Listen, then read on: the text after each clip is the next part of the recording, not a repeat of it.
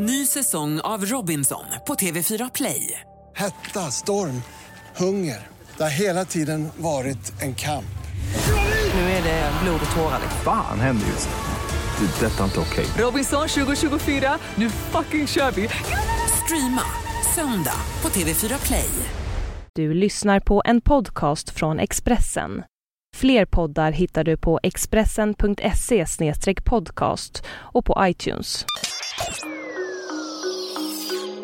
Den unga kvinnan utmanar kartellerna i det blodiga knarkkriget. Det här är Expressen Dokument, ett fördjupningsreportage. Varje dag med mig, Johan Bengtsson, som idag läser Mats Olssons text om varför Lucys blogg kallas den viktigaste i Mexiko. Den kallas Mexikos viktigaste webbsajt. Blogg del Narco kartlägger dagligen det knarkvåld som landets journalister inte längre vågar eller kan bevaka. Så vem är den modiga personen som skriver den här bloggen? Det är en ung kvinna i 20-årsåldern.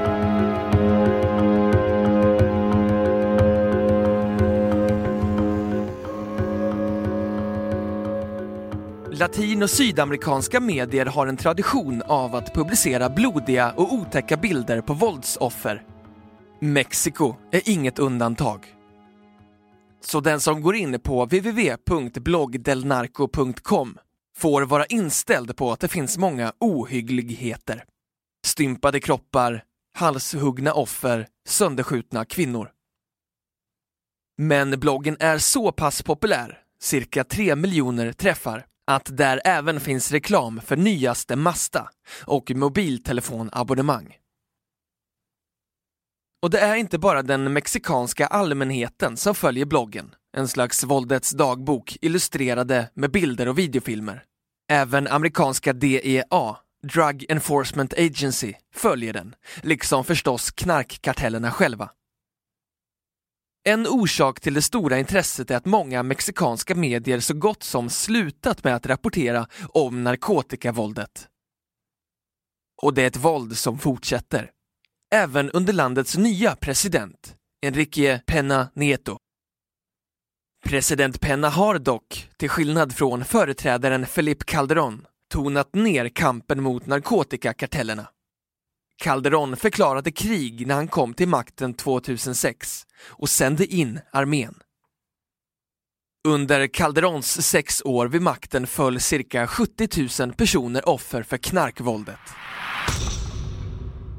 USAs president Barack Obama planerar att besöka Mexiko i maj och knarkvåldet är ett av de ämnen som kommer att diskuteras. Bara under de fyra månader som Nieto har varit president så har ytterligare cirka 4 000 mexikaner dödats. Så det råder ingen brist på ämnen för Blogg del Narco att skriva om. Så här kan det till exempel se ut. Gripna personer ledde igår kväll polisen till en ravid nära Keropreto-dammen. Efter att ha grävt där så hittades resterna av en kvinna som arbetat på en bar som heter Viviana. Enligt de gripna hade hon dödats eftersom hon var vän med en konkurrerande kriminell grupp. De tog henne till en plats där de halshögg henne och satte eld på kroppen och täckte över den med stenar och jord. Det var i mars 2010 som Blogg del Narco körde igång. Det var ungefär då som hoten och våldet mot landets journalister också var som värst. Ta staden Reynosa, nära gränsen mot Texas. Under de två första månaderna 2010 kidnappades åtta journalister där. Sex av dem återfanns aldrig. Redaktören Cero Goles Levia skrev att pressfriheten i Mexiko i praktiken var död. I fler och fler regioner i Mexiko så är det omöjligt att praktisera journalistik. Journalistiken är död i Reynosa och jag har inget mer att säga, skriver hon. Mexiko är Latinamerikas farligaste land att verka i som journalist. Enligt organisationen Journalister utan gränser har 80 stycken dödats sedan 2000. Detta är ett vakuum som Blogg del Narco försöker fylla. Bloggen drivs helt anonymt och det har länge varit ett mysterium vem eller vilka som egentligen drivit sajten.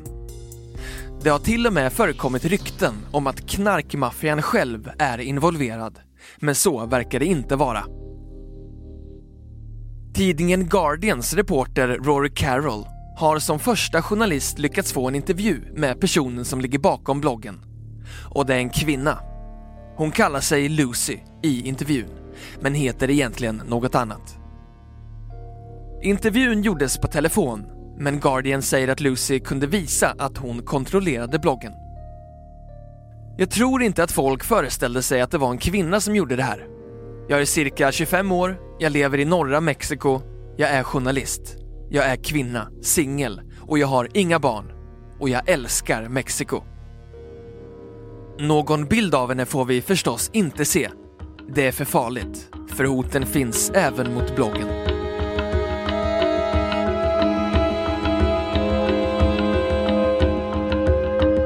Expressen Dokument, en podcast från Expressen.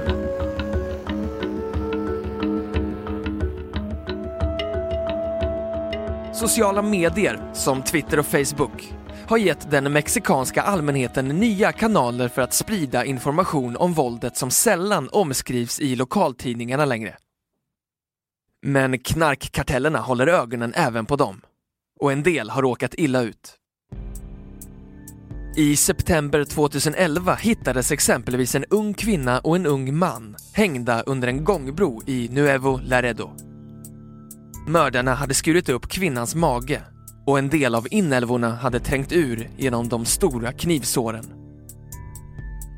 Där fanns också en hälsning från Z, den fruktade knarkkartellen Los Zetas. På lappen stod “Detta kommer att hända alla er som skriver lustiga saker på internet. Det är fan i mig bäst att ni lyssnar. Jag kommer att nå er. Varningen från Los Zetas nämnde även just Blog del Narco. Lucy var bekant med de bägge offren, även om hon inte hade träffat dem personligen. De brukade skicka bilder. Det var en väldigt svår och smärtsam tid. Hoten finns kvar fortfarande och har ökat i intensitet på sistone, säger hon. Det är dock bara hennes närmsta familj som vet vad hon egentligen sysslar med. Hon har en manlig medarbetare också, som sköter det tekniska. Vi byter ställe varje månad. Vi har hållit till i källare. Vi gömmer vår utrustning på olika ställen. Om myndigheterna närmar sig så flyr vi. För just så är det. Mexikos journalister behöver inte bara frukta knarkmaffian. De är även klämda av staten och polisen. Eller som Alfredo Corchado uttrycker det. Han är Mexiko-korrespondent sedan många år för Dallas Morning News och sa så här vid en paneldiskussion 2011. Lita inte på någon. Vare sig det rör sig om en reporter du en gång förlitar dig på, en fixare, taxichauffören, pojken som putsar dina skor, polisen, borgmästaren, den federale utredaren, killen som hälsar dig välkommen till hotellet eller servitrisen.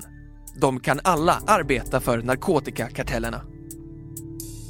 Lucy kommer i dagarna ut med en bok som är baserad på bloggen. Den beskriver månad för månad våldet under främst 2010, ett av de värsta åren. Den heter Dö för sanningen. Jag skrev boken för att visa vad som pågår. När jag var klar med den så kunde jag andas igen. Jag hade oroat mig för att jag skulle bli dödad innan jag skrivit färdigt. Men nu finns den här. Ett testamente över hur vi lidit i Mexiko de senaste åren med detta krig, säger hon. Men hon medger att hon funderat på att sluta blogga åtskilliga gånger. Hon har dock alltid skrivit vidare. För att hon anser att budskapet måste fortsätta spridas. Kritiken att hon ger oavsiktlig publicitet åt narkotikagrupperna. Bloggen får en del bildmaterial direkt ifrån dem. Tillbakavisar hon bestämt. Bloggen visar verkligheten, säger hon. Och om det inte vore för bloggen så skulle många kroppar aldrig ha identifierats, menar hon. Så vad är hennes egna planer för framtiden? Hon har just fått ett jobb, men ska fortsätta blogga, säger hon. Mina planer för framtiden? Att leva. Det är mitt hopp på kort, medel och lång sikt, säger hon.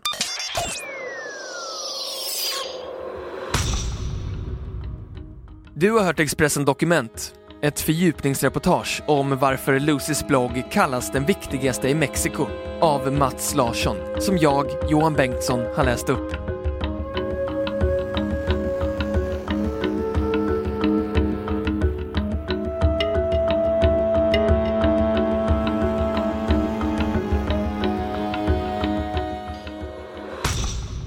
Du har lyssnat på en podcast från Expressen. Ansvarig utgivare är Thomas Mattsson. Fler poddar finns på Expressen.se och på iTunes. Ny säsong av Robinson på TV4 Play. Hetta, storm, hunger. Det har hela tiden varit en kamp. Nu är det blod och tårar. Fan händer just nu. Det. är Detta är inte okej. Robinson 2024, nu fucking kör vi! Streama söndag på TV4 Play.